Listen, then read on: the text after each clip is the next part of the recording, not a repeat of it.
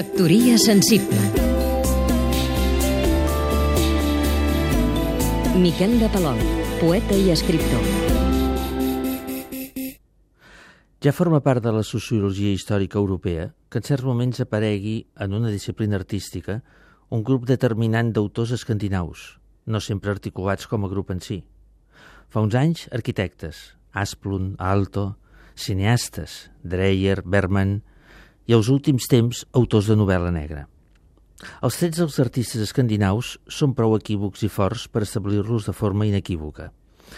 Economia de mitjans, esterilització de formes, sobrietat de continguts, duresa en el tractament dels conceptes, poques concessions, per no dir cap, a complaences, les morals en primer lloc.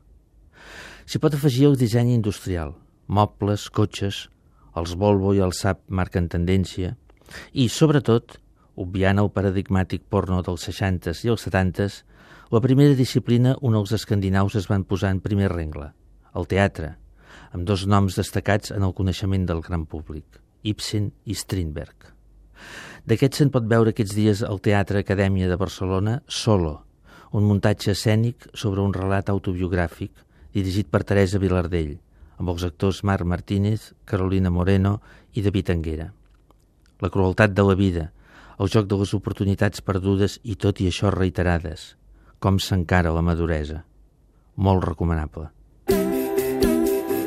Factoria sensible Seguim-nos també a catradio.cat